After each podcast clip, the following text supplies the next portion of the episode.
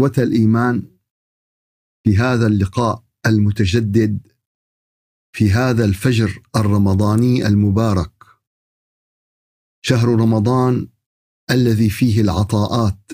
شهر رمضان الذي فيه البركات. شهر رمضان الذي فيه النفحات. شهر رمضان الذي فيه المغفرة من رب السماوات.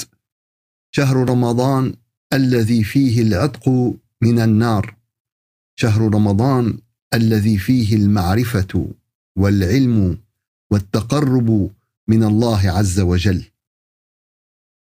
ذكرنا البارحة عن افتتاحية سورة آل عمران وبينا كيف أن هذه السورة بعنوانها وبمن ذكرت في حناياها هي جسر محبة ممتد إلى أهل الكتاب. جسر محبة ووداد. جسر محبة وتفاهم. كما استقبلهم النبي عليه الصلاة والسلام واستقبل نصارى نجران ليبين لهم أمور دينهم ليبين لهم حقيقة الصلة بالله عز وجل. وهذه الغاية المرجوة من وجود هذا الإنسان على هذا الكوكب.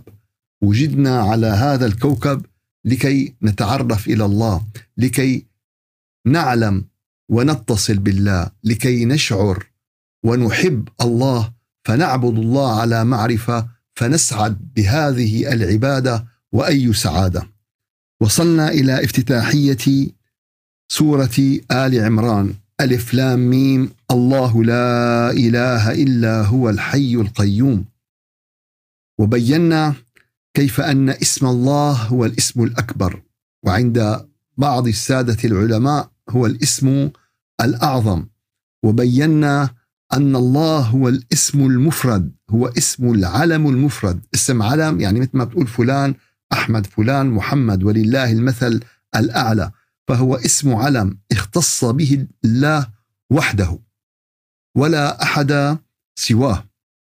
وقد بينا أن الله المعبود لاسمه معاني ومن معنى هذا الاسم باللغة العربية بأنه المعبود بحق وأنه هو الملتجأ والمفزوع إليه وأنه هو المحبوب الحب الأعظم وأنه هو الذي تحتار العقول فيه. فذكرنا معنى المعبود بحق والملتجأ إليه والمفزوع إليه ووصلنا إلى أنه هو المحبوب الأعظم. فالعرب كانت تحب آلهتها وتعظمها وتجلها وتقدسها. ولذلك وضعوا أصنامهم في أشرف مكان وضعوه فوق الكعبة وفي وسطها وعلى أطرافها وكانوا يحفلون بها ويقاتلون في سبيلها.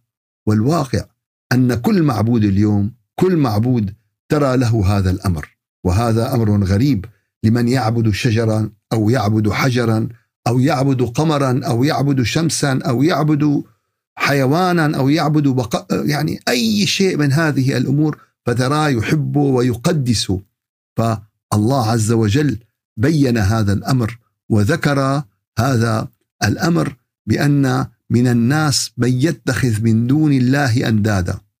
يحبونهم كحب الله. يحبونهم كحب الله. والذين آمنوا أشد حبا لله. والذين آمنوا أشد حبا لله. فهل وجدت أيتها الأخت الفاضلة محبة الله في قلبك أعظم من أي محبوب؟ هل وجدت يا أخي محبة الله في قلبك أعظم إليك من أي محبوب؟ هل غرست هذه المعاني في أبناء الجيل القادم؟ هذا الغرس يا أحبابنا هذا الغرس الذي يثمر. إذا أحب الإنسان الله عز وجل عبده وامتنع عن معصيته وخاف وخشي على هذه العلاقة بينه وبين الله عز وجل. المعنى الرابع أن الذي تحتار فيه العقول. فالله عز وجل ذكر في سورة طه الآية 110 ولا يحيطون به علما.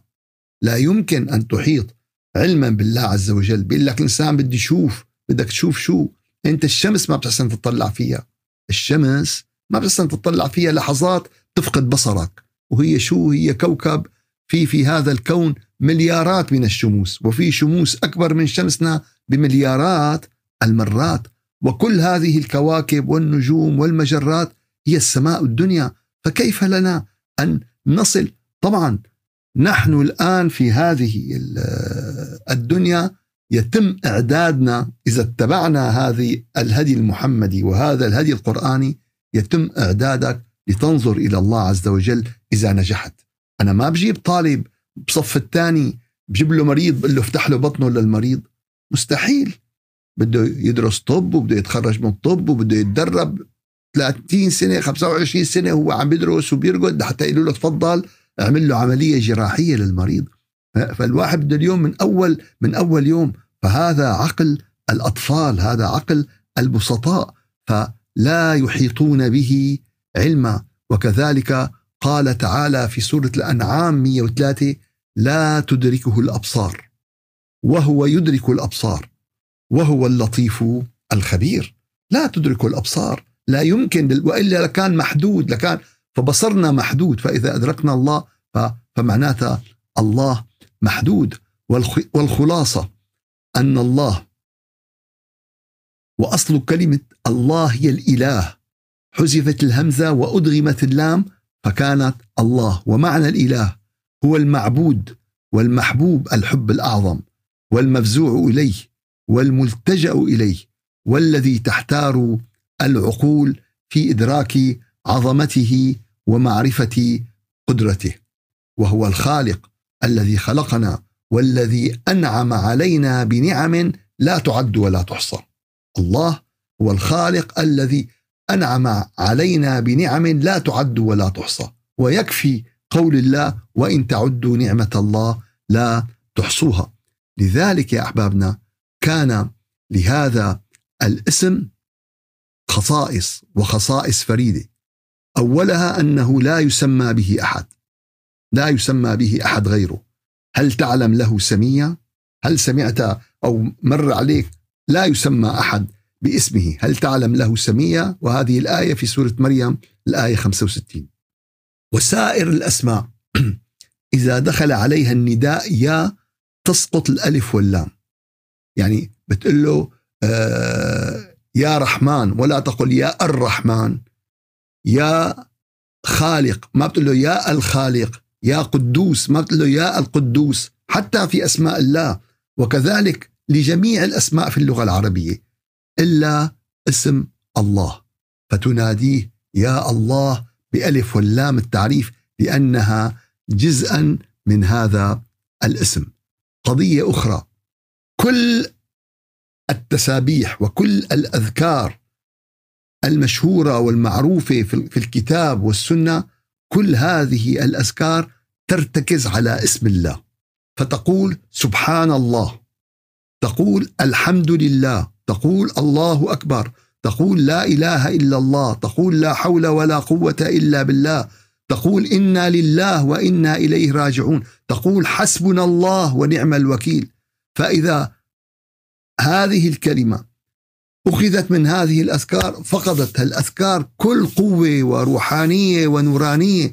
فكلمة حسبنا ونعم الوكيل إذا ما ذكرت الله إذا قلت الحمد وما ذكرت الله إذا قلت سبحانه وما ذكرت الله فلذلك يا أحبابنا كل هذه الأذكار مرتكزة على اسم الله. فلذلك كان لابد من إعطاء هذا الاسم حقه. لهذا الاسم حقه. وكما ذكرنا أن هذا الاسم كان أكثر الأسماء المذكورة في القرآن الكريم. حوالي 2700 مرة ذكر هذا الاسم في القرآن الكريم. لذلك كان من حق هذا الاسم على المؤمنين وعلى المسلمين كما جاء في صريح الكتاب والسنة أن نعظم هذا الاسم. أن نعظم هذا الاسم وأن نقدر هذا الاسم وأن نعطيه حقه من الذكر. وأن نعطيه حقه من الذكر. وهنا بيت القصيد. وهنا نقف أمام مسألة شائكه وشائكه جدا. أمام مسألة غفل عنها المسلمون. وضلل فيها المضللون. وكثر فيها اللغو واللغط مع العلم أنها واضحة. ولكن الشيطان يريد أن يصد عن قضيتين. الشيطان ينزغ يوسوس يعني بيقدم لك اقتراحات بعت لك مسجات بيوسوس لك بيرغب لك إلا في قضيتين. إلا في قضيتين. أول قضية إنما يريد الشيطان أن يصدكم. بده يصدك صد. شلون؟ بكرة القدم الأمريكية بتلاقي هذا اللاعب اللي وزنه 250 باوند عم بيصد قال هيك الشيطان بده يصدك. عن شو؟ قال عن ذكر الله وعن الصلاة فهل أنتم منتهون؟ فهون الشيطان يحاول والشيطان يسيطر والشيطان عم بيفوت وبيطلع بأهل الدين أكثر من غير أهل الدين. وبغير أهل الدين يعني مستلم عم بتشردح وبيتمردح بهالكرة الأرضية مثل ما بده. بينتقل ما بده اليوم أبدا. هو اللاعب مع العلم في كثير الناس اليوم أدوا له أكبر خدمة للشيطان أقنعونا بأنه غير موجود.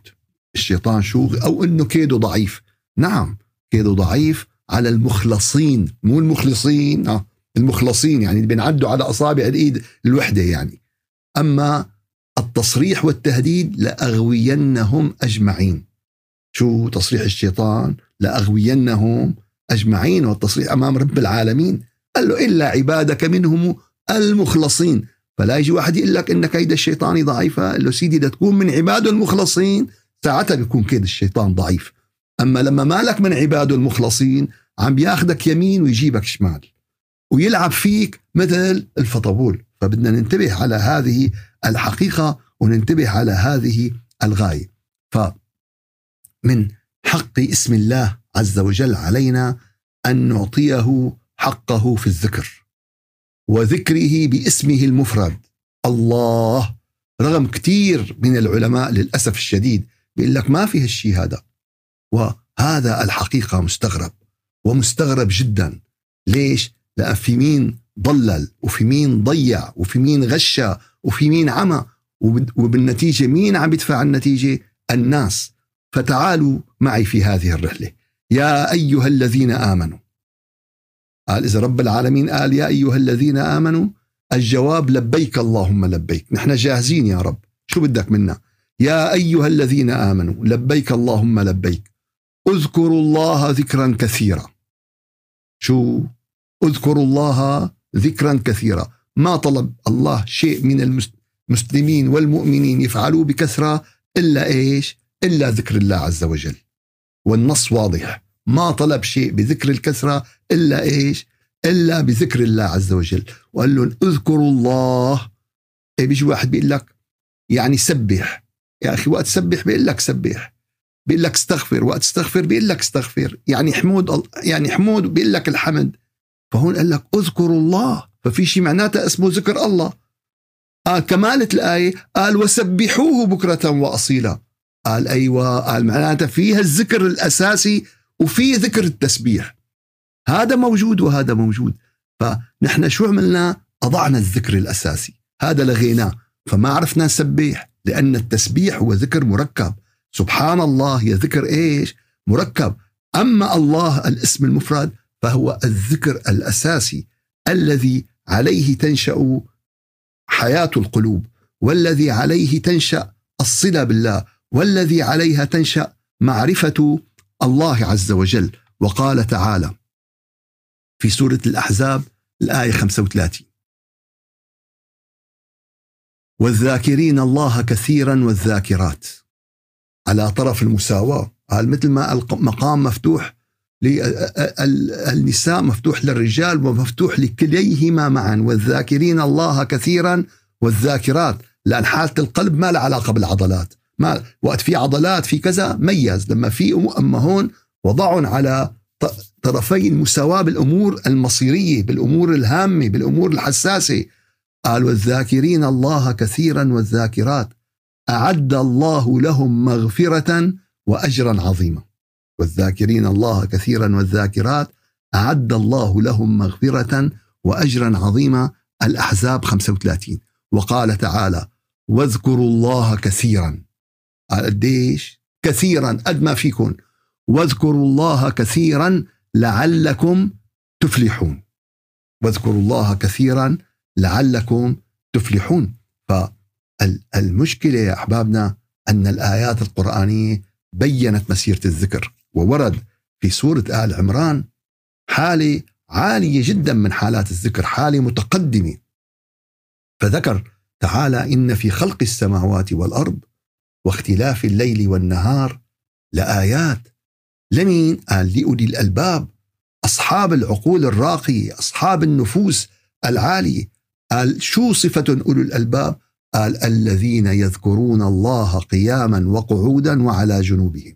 شو يعني قياما وقعودا وعلى يعني أنت يا قايم يا قاعد يا مضجع يعني في كل حالاتك في كل حالاتك كان رسول الله صلى الله عليه وسلم يذكر الله في كل أحواله.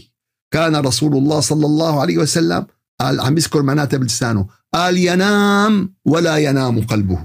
ينام ولا ينام قلبه. وهذا مفتوح. ما ما هو يعني ما هو شيء خاص بسيدنا النبي عليه الصلاة والسلام. فالنبي هو المعلم. النبي هو القدوة صلوات الله وسلامه عليه. النبي هو الذي يقتدى الذي يقتدى به. فرسول الله صلى الله عليه وسلم يقول مثل الذي يذكر ربه والذي لا يذكر ربه كمثل الحي والميت. شو؟ قال اللي عم بيذكر واللي ما عم بيذكر مثل الحي والميت. يعني ليست قضية إنه والله فضيلة شغلة بدنا نساويها أو ما بدنا نساويها. قضية حياة أو موت. حياة أو موت لإيمانك حياة أو موت لروحك حياة أو موت لصلتك مع الله عز وجل ف وبين الله عز وجل أن أساس هذا الذكر أساس هذا الذكر هو القلب. فاليوم مراحل الذكر أربعة في ذكر اللسان وهو ذكر المنافقين. معلش ما بدنا ما بدنا أتوا إلى النبي عليه الصلاة والسلام قال يا رسول الله الإيمان ها هنا والنفاق ها هنا ولا أذكر الله إلا قليلا. فالنبي دعالهم فالنبي دعالهم فذكر باللسان والقلب رايح يمين وشمال هذا ذكر المنافقين. ذكر اللسان والعقل مشرق ومغرب هذا ذكر المنافقين. ف طيب ماشي الحال. يعني يعني آه، أحسن من بلا. على مبدأ أحسن من بلا. فهذا الذكر ذكر اللسان. أما الذكر الثاني هو الذكر الخفي. بداخليتك بسريتك بسرك. الذكر الثالث هو ذكر القلب فلما بتذكر الله في سرك يبدأ هذا القلب بالانتعاش وبالتحسس لذكر الله عز وجل. بعد ذلك أرقى حالات الذكر هي ذكر اللسان مع القلب اللسان مع الجوارح اللسان مع الأركان. أما بس باللسان وأنت منفصل عن هذا فهي هذا أفعال المنافقين. فلذلك النبي عليه الصلاة والسلام بين لنا ووضح لنا وقال في الحديث القدسي قال الله عز وجل أنا جليس من ذكرني. يوم أنت عم تقعد تجلس عم عم تذكر رب العالمين رب العالمين جليسك. ومجلس الذكر تحفه الملائكة حتى تصل إلى عنان إيش؟ حتى تصل إلى عنان السماء. فلذلك يا أحبابنا حديث النبي عليه الصلاة والسلام يرغب بهذا الموضوع. فقال صلى الله عليه وسلم ألا أنبئكم بخير أعمالكم؟ لكم أحسن عمل ممكن تعملوا. ألا أنبئكم بخير أعمالكم وأزكاها عند مليككم؟ أحسن الأعمال. وأزكاها عند الله عز وجل. وأرفعها في درجاتكم؟ يا رس يا سيدي يا رسول الله دخيلك.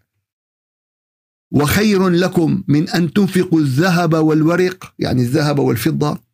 وخير لكم من أن تلقوا عدوكم فتضربوا أعناقهم ويضربوا أعناقكم. ما بدكم تع... فالنبي عم بيرغب الصحابة، النبي عم بيشوق الصحابة، النبي عم بده يعطيهم شيء بثمنه وبقيمته مو شيء ياخذوه ويزتوه ورا ظهرهم، مو شيء يهملوه، فألا أنبئكم بخير أعمالكم أزكاها عند مليككم أرفعها في درجاتكم. خير لكم من أن تنفقوا الذهب والورق. خير لكم من أن تلقوا عدوكم فتضربوا أعناقهم ويضربوا أعناقكم. قالوا بلى يا رسول الله. ونحن عم نقول بلى يا رسول الله. دخيلك يا رسول الله. بينا الطريق ضاعت البوصلة يا رسول الله. ضيعونا بين اليمين وبين شمال وبين مذاهب وبين كذا وبين كذا بدون ذكر الأسماء. ضيعونا. قالوا بلى يا رسول الله. قال ذكر الله عز وجل. شو؟ ذكر الله عز وجل. فكما ذكرنا وكما بينت الآيات أن الذكر الأساسي مختلف عن التسبيح. أن الذكر الأساسي مختلف عن طبعا التسبيح هو ذكر متقدم هو ذكر مركب. فاللي الذكر الأساسي لسه ما بيعرفه ما حيعرف الذكر المركب. يلي ما بيعرف ذكر الله في قلبه لا يعرف التسبيح حقيقة ولا يعرف الاستغفار. عم بيقول بس بدون إحساس بدون شعور. وهذا بحاجة إلى مدرسة وهذا بحاجة إلى معلم. أبسط قضية اليوم بدك تساوي مدرسة. شهادة سواقة بدك مدرسة وبدك معلم. هي شو؟ لتسوق سيارة بالأخير. لتسوق سيارة. فما بالك بمعرفتك لذكر الله ما بالك لصلتك بالله عز وجل. أتى البعض قال يا أخي بس هي الله الله من فين جايبينها يعني كل هالآيات وكل هالأحاديث اللي عم تقول لك ذكر الله إيه بيضيعك بيقول لك ذكر الله يعني تسبيح ذكر قل له طيب ماشي الحال ماشي الحال يا أخي. طالما أنت باغ وطالب للحقيقة فألم تسمع قوله تعالى امرا نبيه صلى الله عليه وسلم وكل مؤمن من بعده واذكر اسم ربك بكرة واصيلا. شو؟ واذكر اسم ربك. يعني مشان ما تضيعوا مشان ما ما هو اسم ربكم فالله فبتلاقي أحد بيعمل محاضرة أحدهم بيعمل محاضرة ساعة على اسم الله ومزايا بس يقول لك ما في شيء اسمه ذكر الله الله. طيب يا أخي أين تذهب بهذه الآية؟ أين تذهب بهذا الأمر الإلهي الواضح؟ واذكر اسم ربك بكرة وأصيلا. قال كذلك الأمر يا أحبابنا. الله عز وجل بين في سورة المدثر. الله عز وجل ذكر في سورة المدثر البيان الواضح الصريح الأبلج الذي لا ينتطح فيه عنزان. ما في اثنين يختلفوا فيه ويقول لك لا والله مو هاد أو مو هي الآية أو مو هل ف ذكر في سورة المزمل يا أيها المزمل خطاب إلى المزمل صلى الله عليه وسلم. صلى الله وسلم عليك يا سيدي يا رسول الله. يا أيها المزمل برنامج العمل برنامج العبادة لك يا سيد الخلق والبشر. ولكل من أتى بعدك على طريق الدعوة إلى الله على طريق تعريف الناس بدين الله على طريق الإيمان الحقيقي. يا أيها المزمل قم الليل إلا قليلا نصفه أو انقص منه قليلا. أو زد عليه ورتل القرآن ترتيلا. القيام ترتيل القرآن. إنا سنلقي عليك قولا ثقيلا. بقول ثقيل. بدك تتحمله. بدك تنمو وتنضج بالروح والصلة بالله والمعرفة والمحبة. إن ناشئة الليل هي أشد وطئا وأقوى مقيلا. إن لك في النهار سبحا طويلا. شو؟ بالنهار بدك تسبح. كل ما بتشوف آية من آيات الله كل ما بتشوف عظيم من عظمات الله. ومع التسبيح واذكر اسم ربك وتبتل إليه تبتيلا. هل ذكر النبي اسم الله؟ الله الله. ما بعرف شو رأيه. شو شو الرأي؟ واذكر اسم في أوضح من هيك يا جماعة الخير؟ في أوضح من ما بدي أجيب طالب بالصف الابتدائي. ما بدها يعني لا بدها شهادات ولا بدها دكتوراه ولا بدها ماجستير ولا القرآن واضح يعني الله ما بعث لنا يضيعنا. بس في مين عم بيضيعنا؟ معلش خلينا نحكي بصراحة. رب العالمين ما بده يتوهنا. بس في مين بده إيش؟ في مين بده يتوهك ويتوهني ويتوه الثاني؟ فالعودة العودة إلى كتاب الله يا أحبابنا إلى آيات الله إلى بيوقف واحد بيقول لك ما في بكتاب الله ذكر اسم الله. يا لطيف يا لطيف. لا واحد ولا اثنين ولا مية ولا ألف. فلذلك يا أحبابنا واذكر اسم ربك وتبتل إليه تبتيلا. رب المشرق والمغرب لا إله إلا هو فاتخذه وكيلا. ليس النبي عليه الصلاة والسلام ذكر اسم الله في قلبه لأن الله ذكر في القرآن الكريم إنما المؤمنون الذين إذا ذكر الله وجلت قلوبهم. تحسسوا. فهل تتحسس يا أخي؟ هل تتحسس يا أختي؟ قال لا. قال معناتها بدك طبيب. بدك طبيب لقلبك الروحي. إذا صار له شيء قلبنا العادي بنرقد على ال ER على ال emergency فورا دخيلك. في عدم انتظام بدقات القلب في تسرع في كذا في نقص بالأكسجة. أما قلب الروح فهذا سلامتك. هذا مو مهم. وهذا اللي قال فيه أبو الأنبياء سيدنا إبراهيم في القرآن الكريم إلا من أتى الله بقلب سليم. شو؟ ولا تخزني يوم يبعثون. يوم لا ينفع مال ولا بنون. قال في يوم لا بينفع لا مال. قال لك قال إلا من أتى الله بقلب سليم. فما أعظم أن تأتي الله وفي قلبك اسم الله محبة الله الصلة بالله معرفة الله. ف النبي عليه الصلاة والسلام مو فقط هو ذكر اسم الله في قلبه كل الأنبياء والمرسلين. قال شو؟ كل الأنبياء والمرسلين. قال هذا حكي كبير. عندك الدليل؟ يا جماعة طبعا طبعا. وكلنا نتلوه وكلنا نقرأ وكلنا. قد أفلح من تزكى. قد أفلح من تزكى. طهر نفسه استغفر أزال. كل شيء له بمحله يا أحبابنا. كل شيء له مكان كل شيء له وضع. بس بدك الخبير بدك اللي عرفان. بدك اللي فهمان. يا ريت اليوم اللي ما بيعرف يقول أخي أنا ما بعرف. أنا ما بعرف. دوروا على حدا بيعرف. إذا تروح لعند طبيب يقول لك أنا ماني مختص. يا أخي أنت طبيب دارس 20 سنة. بيقول لك لا في مختص. روح لعند المختص. بالطب تصير. بال... ف خطاب للنبي عليه الصلاة والسلام ولكل المؤمنين قد أفلح من تزكى. اللي بيطهر نفسه بيطهر روحه بيطهر بدنه. قد أفلح من تزكى. وذكر اسم ربه فصلى. وذكر إيش؟ شو اسم ربنا؟ الله. وذكر اسم ربه فصلى. بل تؤثرون الحياة الدنيا. والآخرة خير وأبقى. طيب قال هل منهاج هذا منهاج التزكية. وذكر اسم الله. والصلاة. والصلاة. قال هذا هو منهاج كل الأمم السابقة. إن هذا لفي الصحف الأولى. المنهاج الخطة العمل هي لفي الصحف الأولى. صحف إبراهيم وموسى. هدول أمثلة على الصحف الأولى هي صحف إبراهيم صحف إبراهيم وموسى. فالحقيقة يا أحبابنا الحقيقة يا أخواننا ويا أخواتنا أن قضية الذكر هي من القضايا الضائعة اليوم. هي من القضايا المخفية. خاصة ذكر اسم الله لأن فيها حياة القلوب. وإذا القلب مات ما عاد في شيء ينخاف عليه. إذا القلب مات ما عاد في شيء ينخاف عليه. فلذلك يا أحبابنا بدنا ننتبه لهذه القضية. بدنا ننتبه لهذا الأمر. بدنا ننتبه لهذا الموضوع وأي انتباه.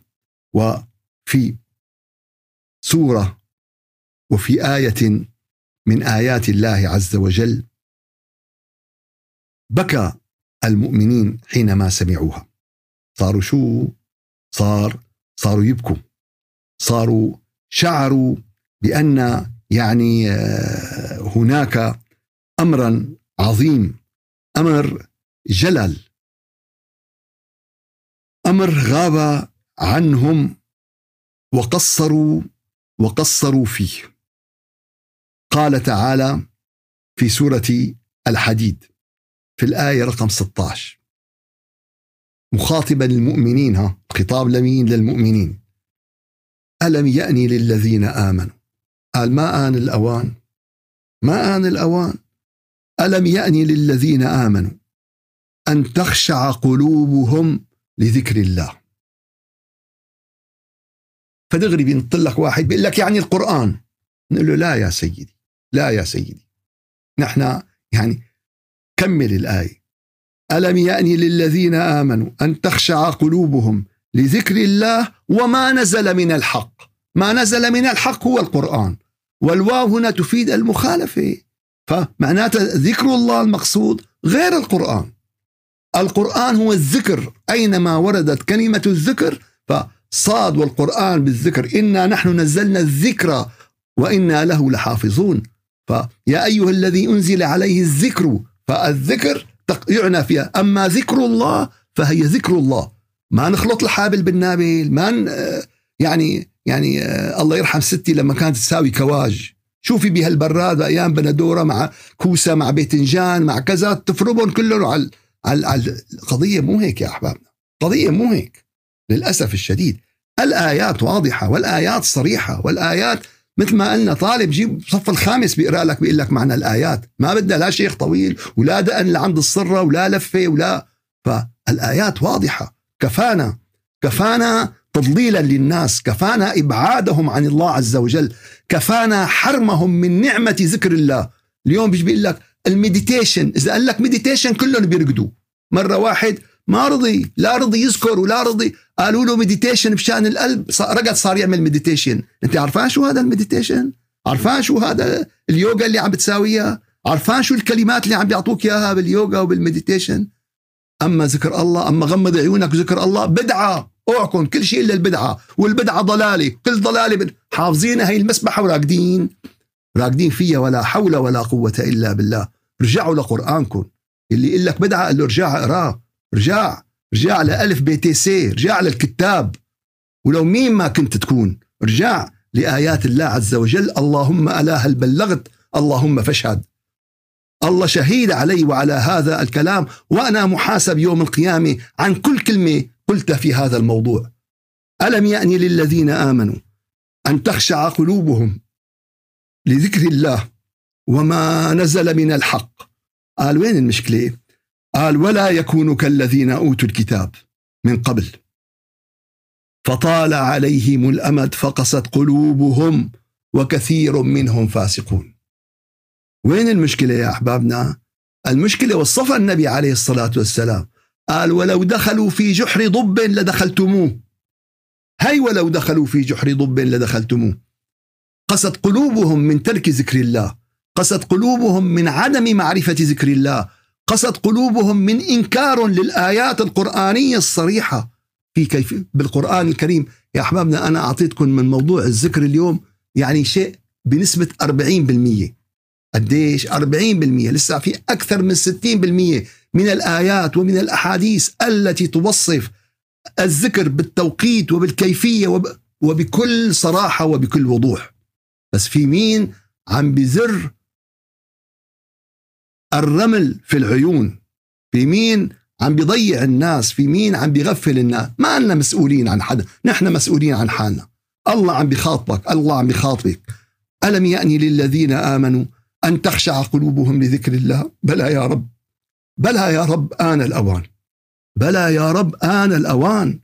ارجعي لربك بقلبك بمحبتك بدموعك على سجادتك. امسكي مسبحتك توجهي بقلبك إلى الله غمضي عيونك. استغفي رب العالمين وبعدين توجهي إلى قلبك. قال فإذا قلبك ما اشتغل قال معناتها بدك طبيب. إذا قلبك ما اشتغل معناتها بدك طبيب. لأن رب العالمين ذكر وسنأتي على هذه الآيات في سورة الأنفال إنما المؤمنون الذين إذا ذكر الله وجلت قلوبهم. بذكر اسم الله قلبك يتحسس لهذا الاسم العظيم. قلبك يتحسس لما فيه من نور لما فيه من عطاء لما فيه من طاقة لما فيه. أما إذا مات حساس الميت إذا نكشناه بحس. إذا جبنا له أحلى أنينة عطر بحس. إذا جبنا له ملكة جمال الكون بيلتفت بيطلع عليها. ميت. فالميت لا يوجد به إحساس لا يوجد فيه أي شعور. كإنسان نحن عم نحكي هلا ما هلا بيطلع واحد لك إيه ما بيجوز يطلع هلا خذ مثال العطر ومثال جبت له أطيب أكلة إذا ميت بيقوم بشم الريحة بيقوم بيأكل. أما إذا بني آدم جوعان قط بتلاقي بشم الريحة بيجي لعندك دغري بشم ريحة اللحمة بيجي لعندك ركض. ليش؟ لأنه في حياة عايش. ألم يأني للذين آمنوا أن تخشع قلوبهم لذكر الله وما نزل من الحق؟ ولا يكونوا كالذين أوتوا الكتاب من قبل فطال عليهم الأمد فقست قلوبهم وكثير منهم فاسقون. قال طيب الحل؟ قال اعلموا اعلموا أن الله يحيي الأرض بعد موتها. قد بينا لكم الآيات لعلكم تعقلون. رب العالمين بيحيي لك أرض قلبك إذا ماتت. بس بدها حراتي وبدها بدار وبدها سقي وبدها مهندس زراعي يشتغل لك فيها. إن الله يحيي الأرض بعد موتها. قد بينا لكم الآيات لعلكم تعقلون. الآيات الإنسان فيهم عقل.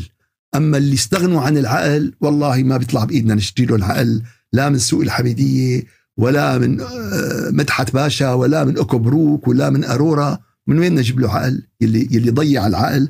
قال إن في ذلك لآيات لقوم يعقلون. سبحان ربك رب العزة عما يصفون. وسلام على المرسلين والحمد لله رب العالمين. إلى شرف النبي وأرواح المؤمنين. الفاتحة. أعوذ بالله من الشيطان الرجيم. بسم الله الرحمن الرحيم. اللهم أعنا على دوام ذكرك وشكرك وحسن عبادتك. ولا تجعلنا يا إلهنا يا مولانا من الغافلين. يا رب. يا رب لا تزغ قلوبنا بعد إذ هديتنا. وهب لنا من لدنك رحمة إنك أنت الوهاب. يا رب يا الله لك الحمد. حق حمدك سبحانك لا نحصي ثناء عليك. أنت كما أثنيت على نفسك. لك الحمد حمد الذاكرين حمد الشاكرين حمد الصائمين حمد المنيبين حمد المستغفرين. يا رب يا رب إنا وقفنا ببابك. يا رب إنا وقفنا ببابك. فلا تردنا خائبين. يا الله يا الله يا الله ما لنا سواك. أعنا على ذكرك على الشكل الذي يرضيك عنا. يا رب أعنا على تلاوة كلامك وفهمه على الشكل الذي يرضيك عنا. يا الله أعنا على الصلاة والصيام على الشكل الذي يرضيك عنا.